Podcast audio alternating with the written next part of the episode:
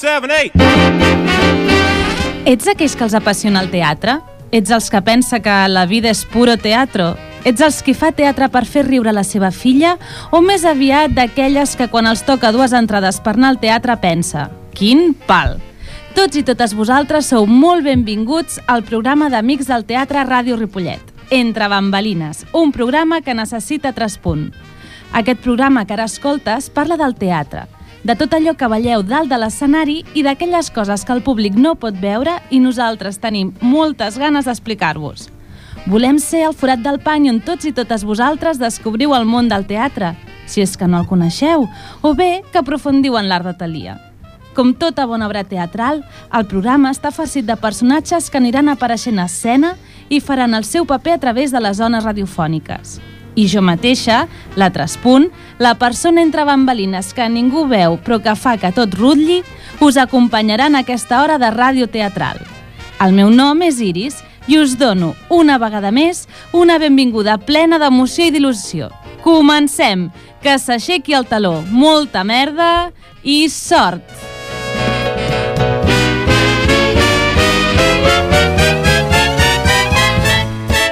El repartiment del programa d'avui és Laia Vilardell i l'espai pels més petits actors i actrius que tenim a casa, en Jordi Rodríguez i la seva secció mai indiferent, si no t'agrada, i els Gari musicals, d'en Víctor Garibaldi. Avui, a més, tenim dos actors principals molt especials, la Núria Manyosa i en Carles Tubau, un home de ràdio que ens parlarà del seu últim projecte, Gris el musical, que tot just ara Amics al Teatre està preparant.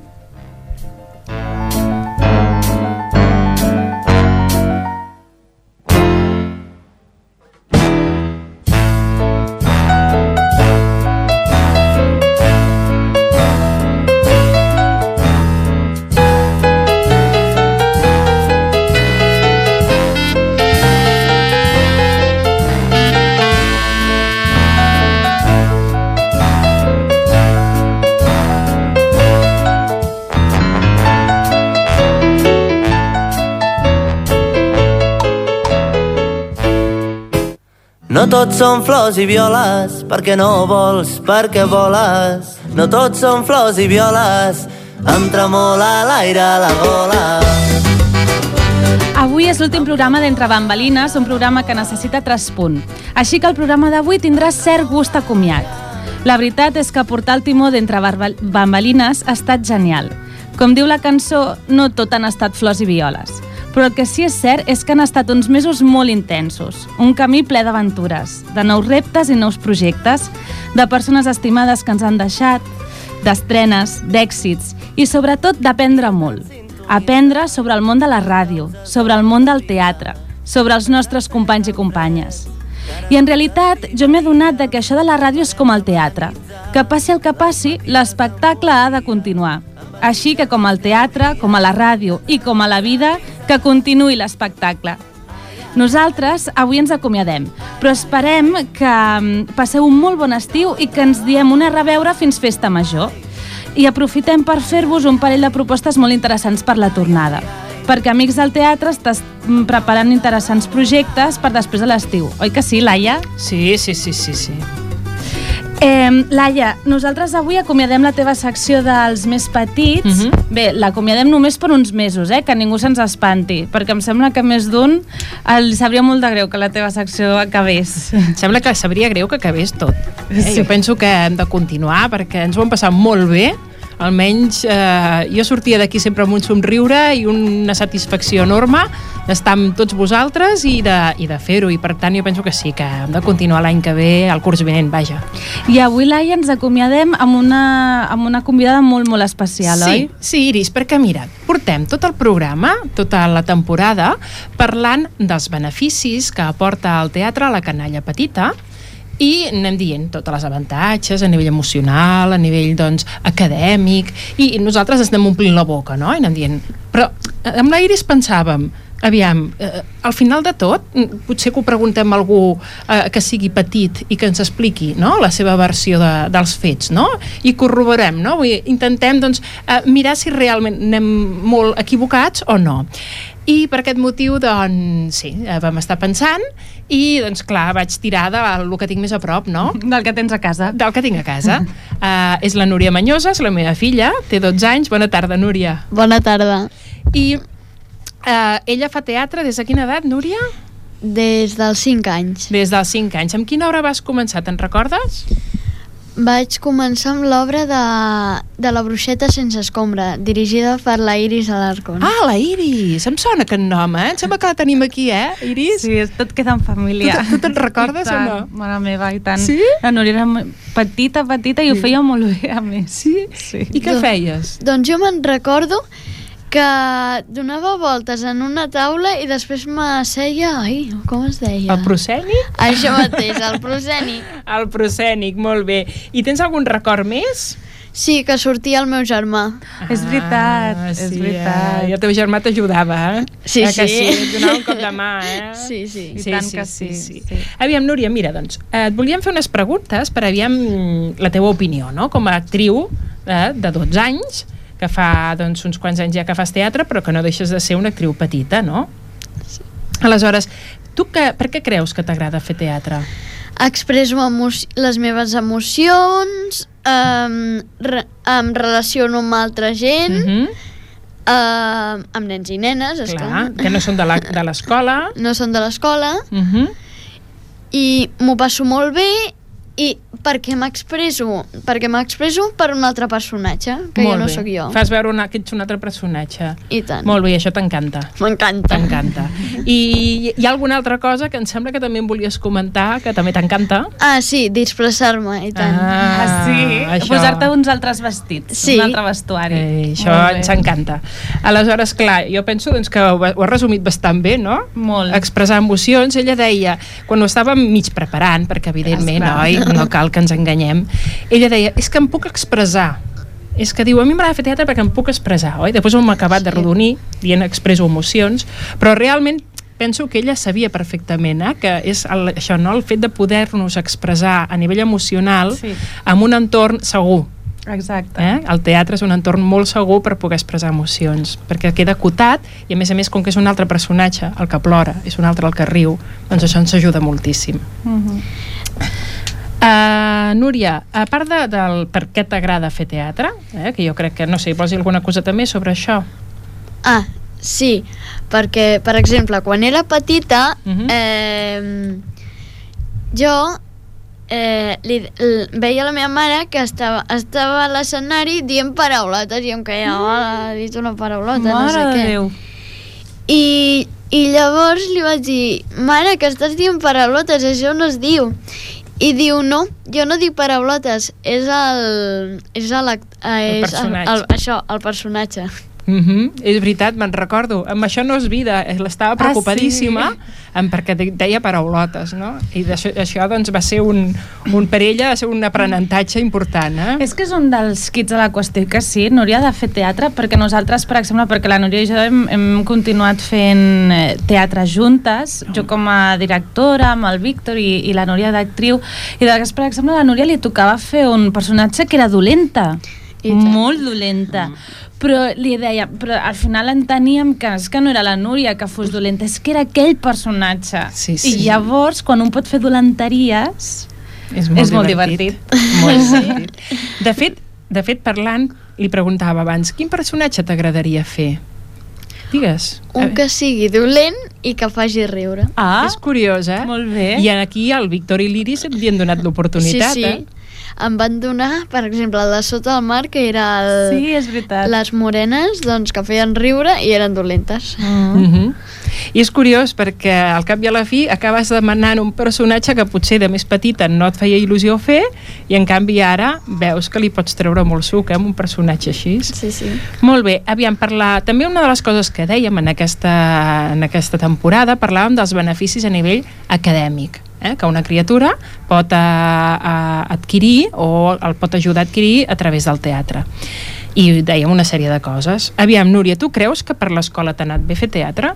Sí. Per què? Aviam, digues.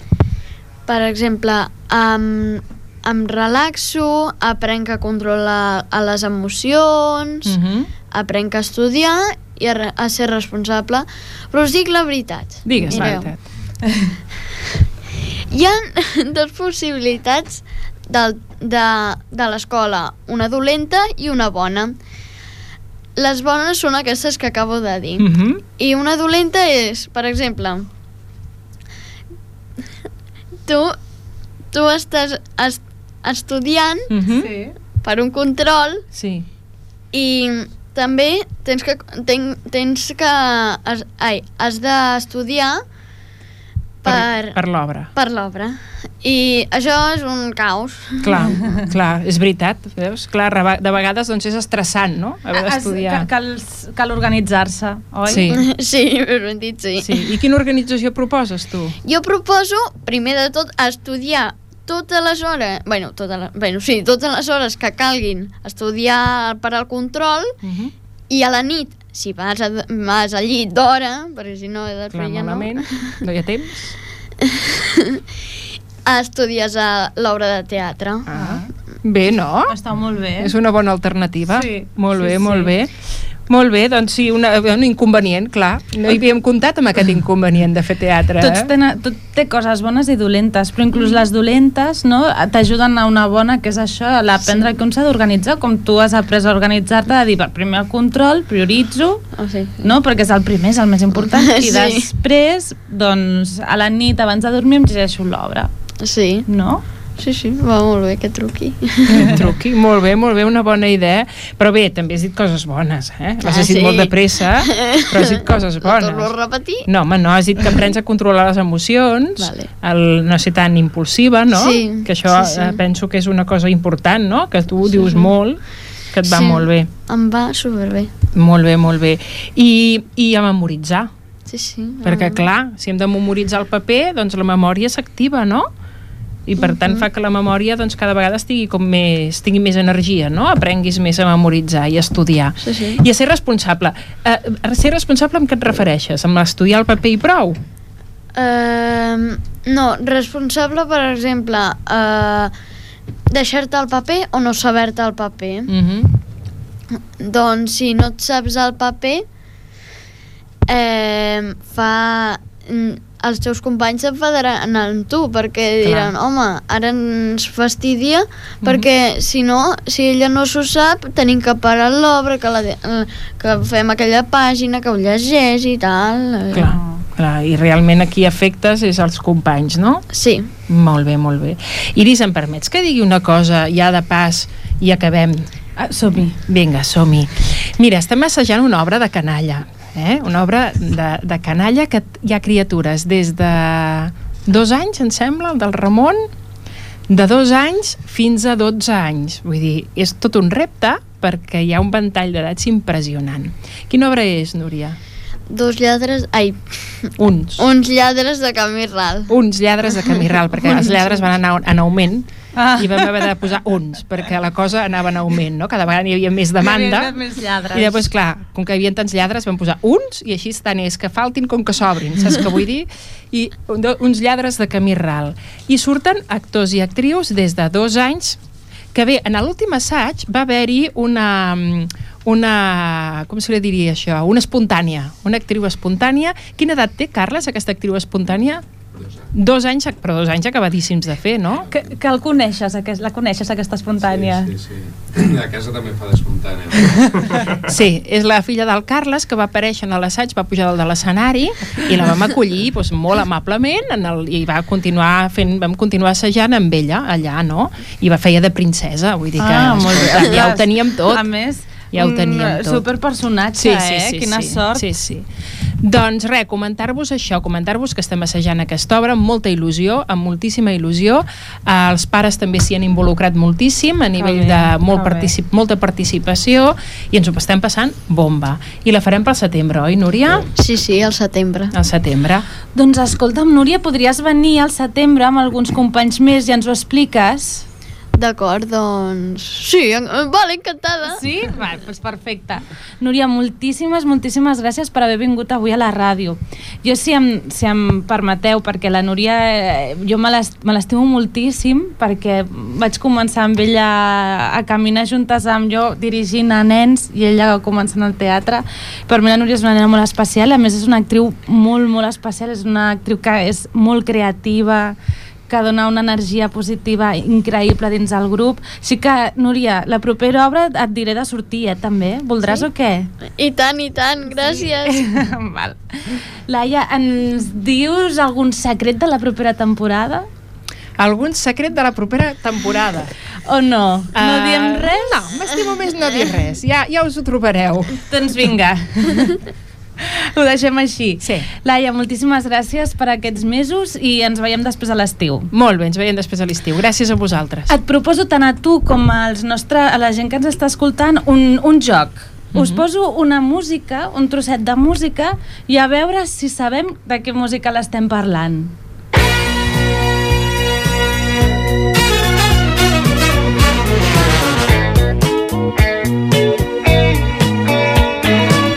Només escoltant aquests pocs segons de la cançó que, que tenim ara de fons, uh, potser podríem saber de, estem, de quina música l'estem parlant. A tu què et sembla, Víctor? Home, a mi em sembla que sí, sobretot mm, pels que se l'han vist moltes vegades, clar, en aquest cas la pel·lícula, eh, hauríem de dir, que és el que ha tingut potser més èxit, Sí. però que hi ha molta, molta gent que aquesta pel·lícula l'ha vist moltíssimes vegades i només començar ja de seguida aquest xan, xarararara, ja tots ens ve de seguida la imatge rosa de fons Estem parlant de, de Gris, De del Gris. musical, Mhm. i és que aquest mes hem triat parlar de Gris donat que el nostre company amic, el Carles Tubau, fa uns mesos que s'ha llançat a dirigir aquest musical. Un musical d'aquells que nosaltres anomenem completíssim, no? perquè té una, la capacitat vocal i de ball dels actors ha d'estar al màxim nivell. Carles, hola, benvingut i felicitats per la proposta. Mo molt bona tarda, molt bona tarda. Espero que t'hagis llançat a la piscina amb el flotador, els manguitos, perquè és un musical amb majúscules. Doncs sí, portem ja portem dies ja amb tot això i bé, és, és un repte perquè no, no, no us he d'enganyar, és un repte molt gran.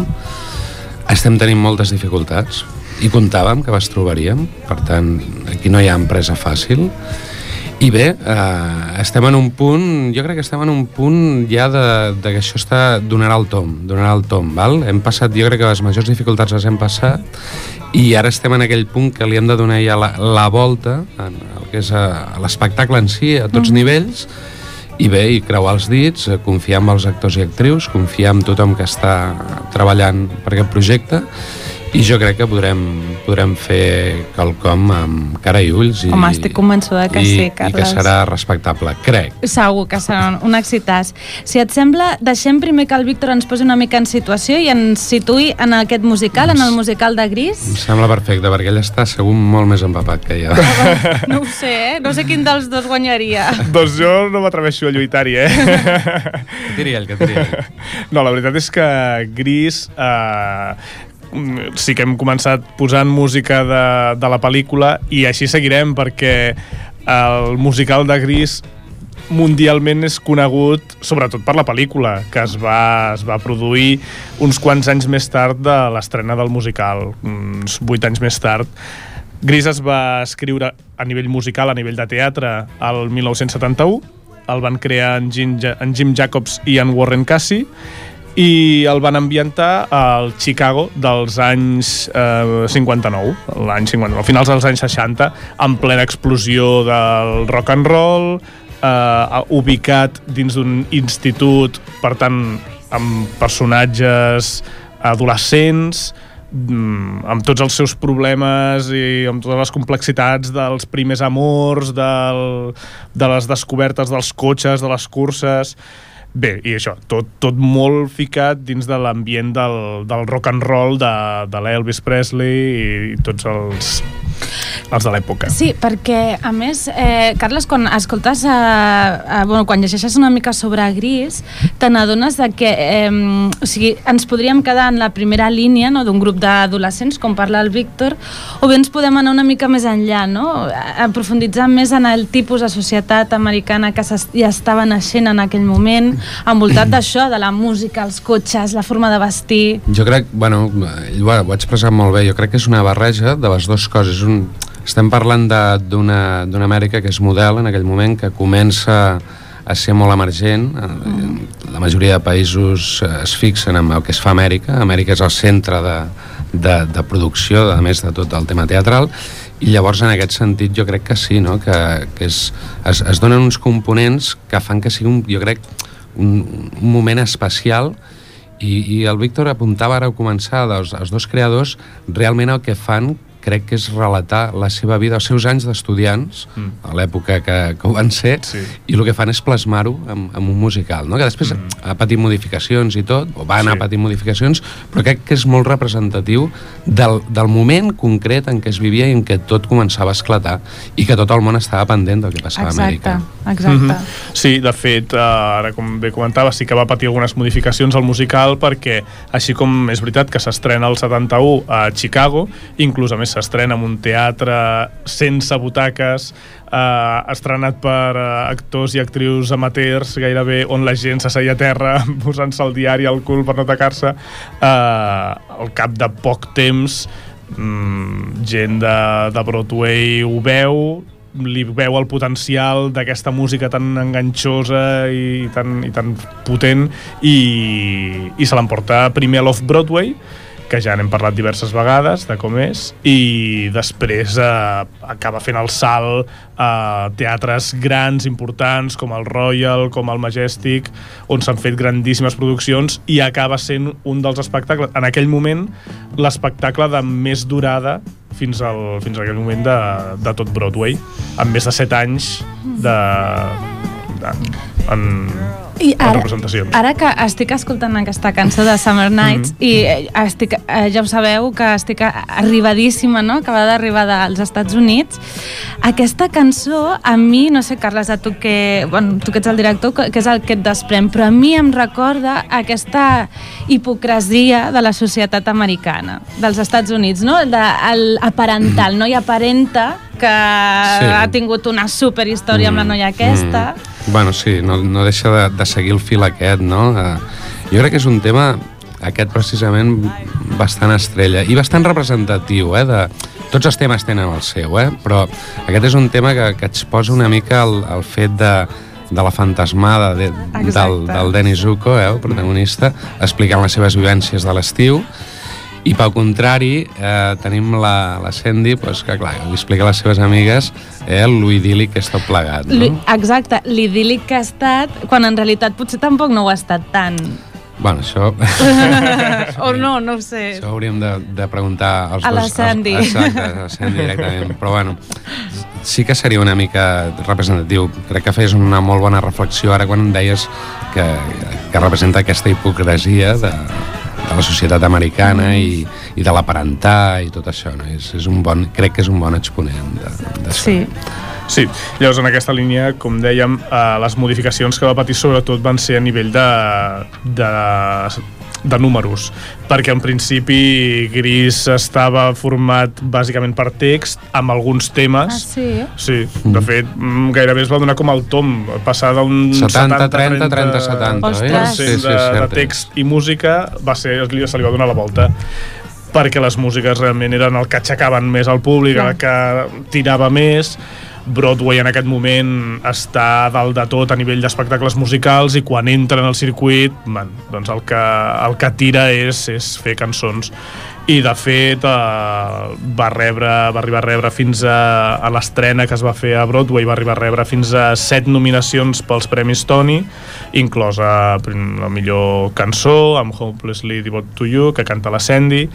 I, mm, i això el que dèiem abans que va, va aguantar fins a, fins a 7 anys Llavors, algunes de les curiositats, eh, parlant del, del que és l'espectacle en si, tots tenim al cap gris, eh, alguns o alguna vegada sempre ens hem, plan- ens hem preguntat però gris, però, però per què gris? Què, què vol dir gris? No? Mm -hmm. Llavors el primer que, que busques i el primer que trobes i amb el primer que et quedes perquè ho veus molt clarament, tant si veus l'espectacle teatral com si veus la pel·lícula, és que fa referència a la, a la gomina Ah, mira. que porten tots els personatges, sobretot els masculins, que les noies sempre van amb, amb, el, amb les laques i tot això per aquest aspecte de brillant, per aquest aspecte d'aparentar, però, clar, els, eh, els, els creadors van voler jugar amb el doble significat que té en anglès la paraula gris, que també vol dir greix, justament fent referència a l'època de naixement del fast food, de- d'Estats Units. Llavors, fent aquest doble... De fet, totes, moltes de les situacions que passen als protagonistes són a la geladeria o, a la, o al bar on es demanen l'hamburguesa amb patates. Correcte, correcte. Per tant, li busquen aquest doble sentit amb el que ara precisament estava comentant, no? d'aquesta aquest punt de- d'aparentar, del que va per una banda però el que se sent per una altra, tot busca aquest doble joc. Això inclòs, per exemple. I el títol ja és un... És el màxim exponent, És, no? De... és, el, és el primer exponent. Sí. Com el primer Ni que... blanc ni negre, gris. Sí. Exacte. Aquí ens podríem quedar amb això. Escolta, Carles, i per què? Per què, Gris? D'entre tots els musicals, com és que vas triar aquest? No, no podria dir ara, mira, vaig agafar aquest perquè és el, crec que és el musical que ho representa tot, que això és el que he somiat dirigir... No. Mm, crec que és un musical, bàsicament el, el vaig escollir perquè és, crec que és el musical que... Segur que n'hi ha d'altres, eh? Però crec que és el musical que arriba a tots els públics. Vale? És un musical que arriba a, a, gener, a diverses generacions. Llavors, només per aquest sols fet tens molt guanyat en quant a expectació. Quan crees expectació, saps que agradaràs a grans, a joves i a petits. Val? I dins de tots aquesta, aquests tres factors, jugant amb aquests tres factors, crec que, que és un musical que se'l l'ha batejat, he sentit, ara no sabria dir-te qui, qui ho havia dit, potser, no ho recordo, eh, no ho recordo ben bé, però se l'ha batejat com el, el musical de les tres E's, eh? Eh, La E d'espectacle, la E d'energia i la E de... Ara no recordo quina és l'altra, estic quedant fatal, eh? Energia, espectacle i emoció, sí, i emoció. Que ara, escoltant a la Núria quan parlava d'expressar emocions i tot això, doncs bé, aquí eh, es reuneix un condicionant no, d'aquests tres. Llavors, fent jugar aquests tres, aquests tres elements i sabent que arribes a tot el públic, vaig pensar, jo crec que aquesta és la fórmula ideal per arribar a tothom, per fer un espectacle que agradi, que sigui divertit, que la gent s'identifiqui i, per què no, que la gent canti. Exacte. Perquè estic segur que molts dels que vindran a veure a veure l'espectacle molts l'han vist, molts han vist la pel·lícula, es coneixen les cançons, la majoria de les cançons, i volem que ells cantin i ballin.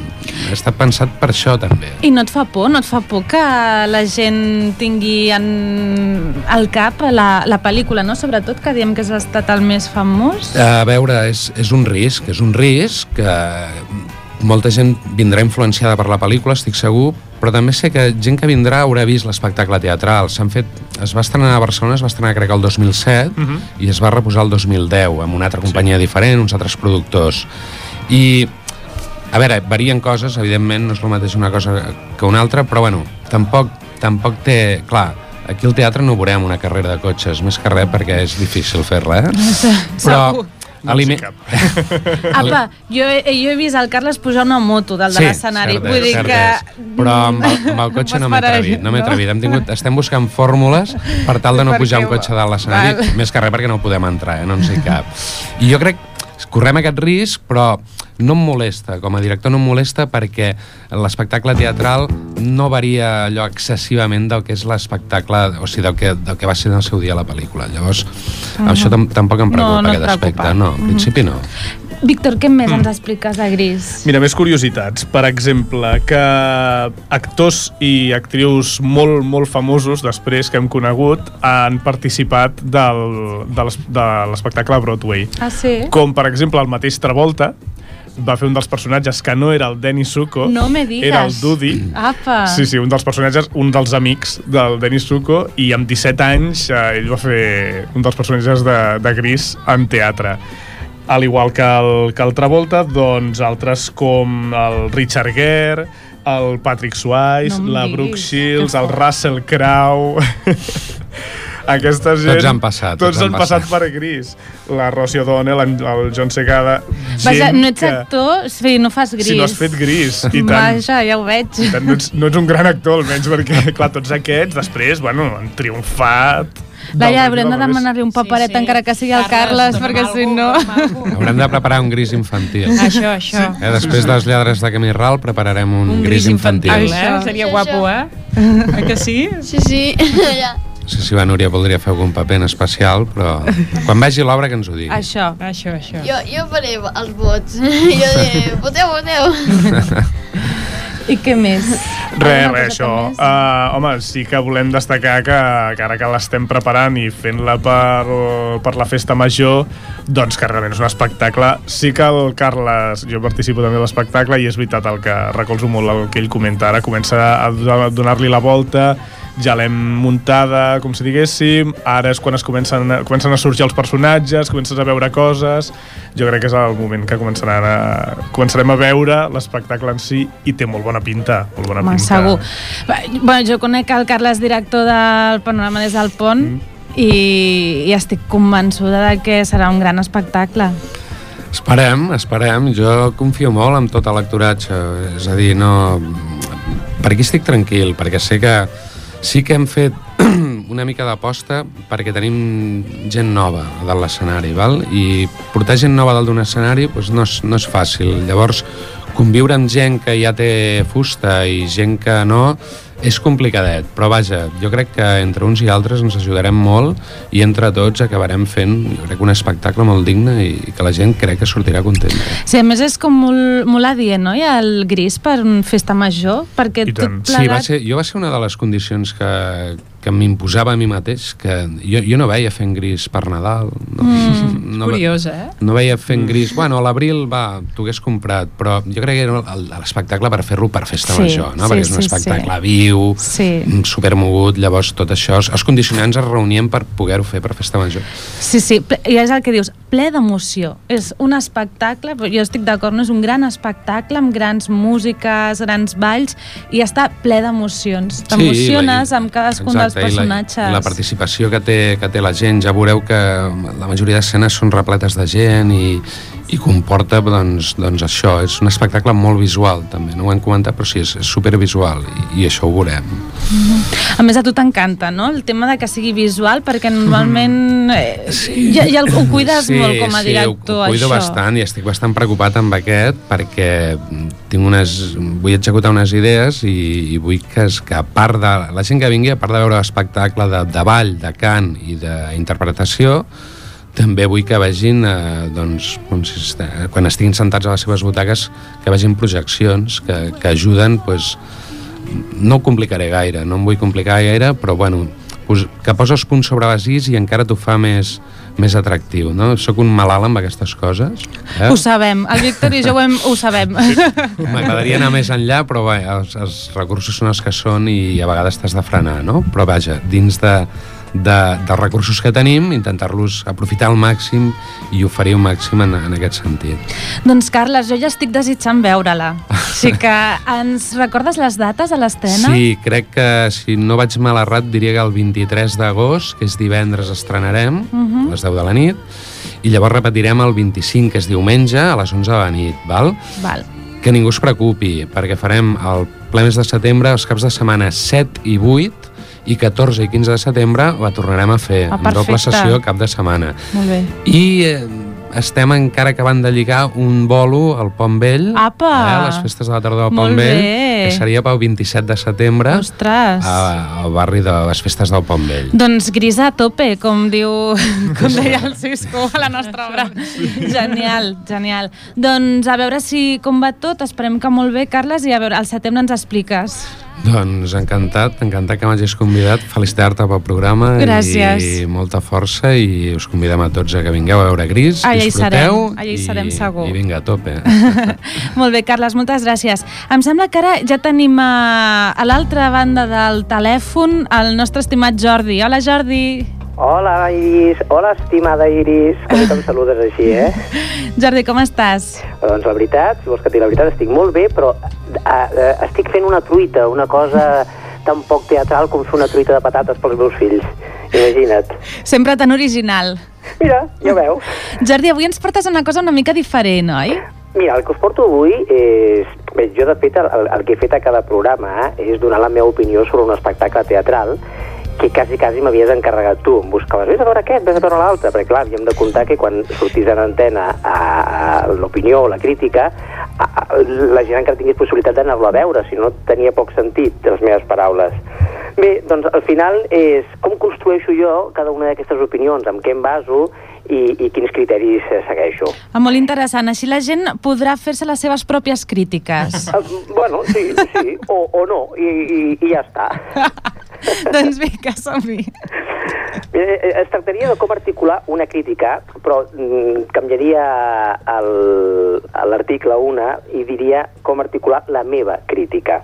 I primer de tot m'agradaria recordar el significat de la paraula crítica i crític. Doncs tendim a desvirtuar les dues paraules i molts cops relacionem amb dos mots amb algú que amb les seves opinions ens ve a parlar malament i només malament d'alguna cosa. I us dic la definició oficial. Crítica. Art de jutjar el valor, les qualitats i els defectes d'una obra literària, artística, etc. Crític. Persona que expressa la seva opinió raonada sobre una obra, jutjant el valor, les qualitats i els defectes. Mireu com el diccionari ho deixa ben clar. Jutjar tant qualitats com defectes i expressar una pròpia opinió, una visió argumentada però totalment personal. A vegades hi trobarem moltes coincidències amb la nostra manera de veure-ho i a vegades no compartirem cap de les idees exposades. Per tant, vull tornar a destacar que és una opinió particular i en absolut hauria de ser vinculant ni adoctrinant. I com construeixo jo la meva manera eh, d'opinió raonada o crítica teatral? Doncs basant-me en un fet molt evident, si l'obra m'ha agradat o no. Oi que és senzill? No sé, molt senzillíssim. Doncs realment així comença tot. A partir del regust de boca que m'ha deixat l'obra, hi ha vegades que necessito un parell de dies per pair-la adequadament, però un cop baixa el taló tinc més que clar quin efecte m'ha produït la representació. I aleshores es tracta d'argumentar el perquè d'aquest efecte positiu o negatiu. Destacar els detalls que sumen, els que resten i, sobretot, dues tasques molt importants. Repassar l'historial del director, actors i o autor per tal d'establir connexions amb obres anteriors que em permetin una millor argumentació i situar l'obra en el seu context històric, tant el text original com la localització posterior del director. I amb tot això surten les aproximadament 800 paraules per crítica que cada programa de ràdio ha deixat anar per antena. Deixeu-me, però, afegir un petit gran detall que s'interposa amb el crític o espectador abans d'anar a veure un espectacle teatral, els prejudicis. I deixeu-me també que recorri al diccionari per verificar el seu significat, que en aquest cas té dues excepcions. Prejudici. 1. Indici o opinió preconcebuts. 2. Aversió no raonada per alguna cosa. Fixeu-vos que, de la mateixa manera que passa amb el mot crític o crítica, l'ésser humà tendeix també en aquest cas a adoptar el significat més pejoratiu del mot, és a dir, el d'adversió no raonada per alguna cosa. Per exemple, un Shakespeare, segur que m'avorriré. Amb aquest actor actriu principal, l'espectacle està condemnat al fracàs. Ui, aquest director, veuré el de sempre. Una altra obra d'aquest grup, però si són molt dolents. I un llarg etc de casos més en què apostem per la primera versió del mot prejudici, indici o opinió preconcebuts i a les que tendim a donar una connotació més positiva. M'han parlat molt bé d'aquest espectacle, segur que em diverteixo. Una comèdia, em passaré l'estona rient. Doncs bé, aquests prejudicis gairebé inevitables i que apareixen amb més freqüència com més sovint anem al teatre, doncs tenim més referències anteriors on comparar, tenen un factor multiplicador en l'opinió final d'una obra de teatre. Us ho explico. Si estem convençuts que una obra ens avorrirà i efectivament ens avorreix, estarem donant-nos la raó amb la idea inicial que teníem abans d'entrar a la sala. I aquest autoconvenciment potenciarà l'efecte d'avorriment. Si pel contrari pensem que l'obra serà avorrida i ens divertim, haurem superat un escull prefixat de vell antubi, el que farà que ens divertim molt més. I el mateix passa quan tenim un prejudici positiu i l'obra ens decep. Aleshores, la percepció és que ens ha decebut molt. Bé, doncs els prejudicis són pràcticament impossibles d'eliminar i malgrat pensar que anem al teatre amb la ment en blanc, sempre tenim unes perspectives a complir, ni que sigui amortitzar el preu de l'entrada. Si es compleixen o no, afectarà irremediablement l'opinió final que tindrem de l'obra. Doncs bé, jo no me'n lliuro dels prejudicis, però quan aconsegueixo anar a veure una obra sense gaire referències i el resultat és positiu, aleshores es constata una de les experiències més gratificants del fet teatral. Aleshores, el teatre en majúscules s'obre de bat a bat per gaudir-lo d'una manera molt especial. Per tant, si avui també he d'acabar donant un consell, penseu que ja estic al voltant de les 725 paraules, us diria que procuréssiu mantenir la ment i el cor sense gaires elements distorsionadors i intentar ser molt receptiu a tot. I si finalment no podem evitar els prejudicis, que només ens distreguin el just i necessari. Salut i teatre. Jordi, doncs, escolta'm, ara escoltant-te he tingut una idea boníssima. És molt bona, eh? Però per A això veure, has d'estar molt receptiu boníssima. i molt obert, com tu Sí. quan vas a veure una obra de teatre. Sí, sí, les teves idees boníssimes acostumen a mm, traduir-se en feina per mi, però vinga, endavant. Escolta'm, és que trobo que aquesta crítica, o sigui, aquesta explicar-nos com fas tu una crítica, com veus tu, com vas a veure una obra de teatre, que ens deixa aquest regust de boca tan bo, Mhm. podríem, podries fer per la temporada vinent un minicurs intensiu de com ser un bon director. Llavors, en cada programa ens explica, ens fas una lliçó. Home, a veure, de deixa'm, deixa'm que maduri la proposta. El que passa és que eh, si he de donar classes de com ser bon director sense haver estat mai un actor complet, perquè jo mai faré gris, no sé si podré arribar a fer-ho. Doncs si és per això, ara parlo amb el Carles. Molt seriosament. que sigui encara que sortis per allà darrere, mm, ballant. Molt bé, o de cotxe, o de cotxe. De cotxe. Li, li monto la cursa de cotxes, jo. Do- Donarem una oportunitat, Jordi, més endavant. Gràcies, guapo. doncs res, Jordi, tu m'ha durat la idea, Molt bé. Però jo crec que podria estar molt bé, perquè oi que el Jordi va ser molt bon director, Oh, Laia? tant, jo sempre ho dic i sempre ho diré i bueno, jo vaig quedar encantada i m'agradaria també que a part de fer això es posés a dirigir, eh? Home, això també. Eh que això sí? ja seria es- que sí? rodó, però com per ara no podem encara, No, perquè encara no. el meu fillolet encara és petit. Sí? Sí, una mica més. Oi Tot que depèn sí? de les truites de patates dels meus fills. Això. doncs va, Jordi, pensa tu i aviam si per la temporada vinent tenim un curs intensiu de com ser un bon director. Molt bé, d'entrada el que sí que voldria fer és felicitar-te tu i a la resta de l'equip per aquesta temporada que ens heu donat d'un programa fantàstic de teatre, eh?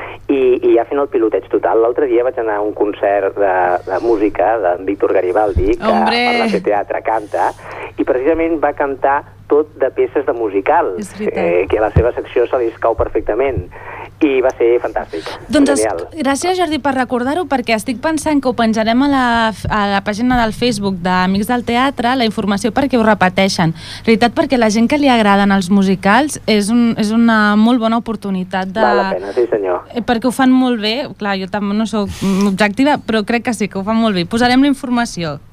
Molt bé, Jordi, un petó molt gran. un petonàs a tots. Adéu, que vagi bé.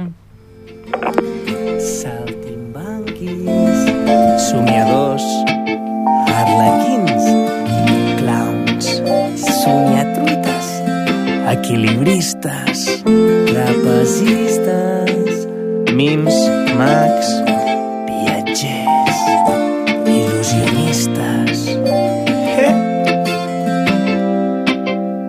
Vaig estar temptant la sort, mesurant les paraules. Vaig flotant entremig dels records i flotant, buscant el paradís, retallant les distàncies que em transporten a un món indecis, però jo mai Hem arribat al tram final del programa. Avui vull agrair en primer lloc i molt especialment als col·laboradors i amics, a la Laia, el Jordi i el Víctor. Gràcies, gràcies i gràcies per la vostra passió pel teatre, per la vostra entrega cega al programa. Ha estat un plaer compartir aquests mesos de ràdio amb vosaltres. Gràcies també al Toni per confiar en nosaltres i en aquest projecte, i sobretot al Jordi, per donar-nos veu i donar-nos calma sempre que ho hem necessitat. També un petó molt i molt especial a la nostra estimadíssima veu en off, a la Mònica López, gràcies per fer-ho possible.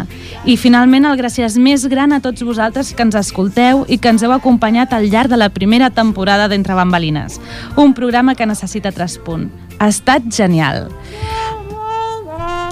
Estem a punt d'acabar la temporada, així que si algú de vosaltres que està aquí ens vol dir, vol dir alguna cosa, endavant.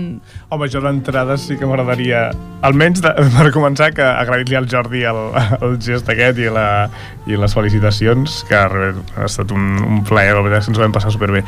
I el gràcies gran aquest que comparteixes amb nosaltres, doncs fer-lo extensiu i duplicar-lo per tu, perquè realment ha estat molt divertit. Jo m'ho he passat molt bé fent aquesta temporada teatral i de, de ràdio i, i la veritat és que és molt divertit fer-lo al, al costat vostre, de tots vosaltres. Sí, sí, tant. Jo volia comentar només una coseta que quan la Iris em va trucar pel mòbil i em va dir, Laia, et vull fer una proposta. Vaig pensar, ai, mare de Déu, senyor, amb la feinada que tinc.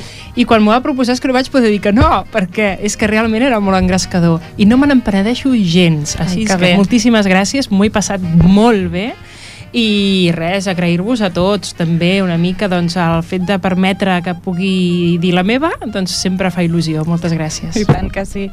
Doncs jo estic molt contenta de que avui ens estem dient així com molt les gràcies i tots Sí, estem molt com molt contents, contents, oi? oi? Perquè com és al final, que ara ja ve l'estiu, però més sobretot perquè com està aquí el Carles, aviam si el fitxem per la propera temporada. ah, ah. Haurà, haurà de ser una proposta, l'haurem de madurar també. Ah. Sí, madurem-la també com durant el senyor tot Jordi Rodríguez haurem de madurar la proposta. D'acord, madurem-la. Com, Home, seria un gran fitxatge, eh? Ai, Per Radiofònic. això ja ho sé, ja ho sé, és que és tot un professional. Jo, deixa'm dir una cosa sí. només, Iris. Us vull felicitar, per, especialment a tu, per portar aquesta proposta endavant, per la feina que comporta i perquè fa que mantingueu viva l'entitat Amics del Teatre, que estigui representat a les zones radiofòniques, jo crec que és algo espectacular i no ho deixeu perdre perquè això és part del teatre i, bueno, no us dic més coses perquè m'emocionaria i tot.